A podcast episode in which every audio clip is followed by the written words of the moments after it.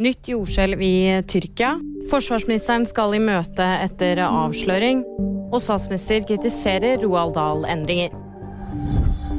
Det har gått et nytt jordskjelv i Tyrkia. Skjelvets episenter skal være i Antakya, og det hadde en styrke på 6,3. Ifølge vitner nyhetsbyrået Reuters har snakket med, kunne skjelvet også merkes i Syria, Egypt og Libanon. Antakya var et av de hardest rammede områdene etter jordskjelvet 6.2, og byen ligger nær grensen til Syria.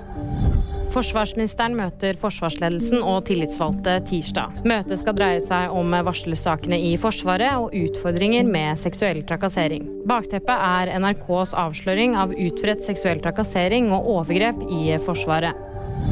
Den britiske statsministeren kritiserer endringene i Roald Dahl-bøkene. Roald Dahls bøker skal renskes for krenkende ord, og ord som tjukk og stygg forsvinner. Endringene skjer i Storbritannia, og bøkene skal også endres i Norge.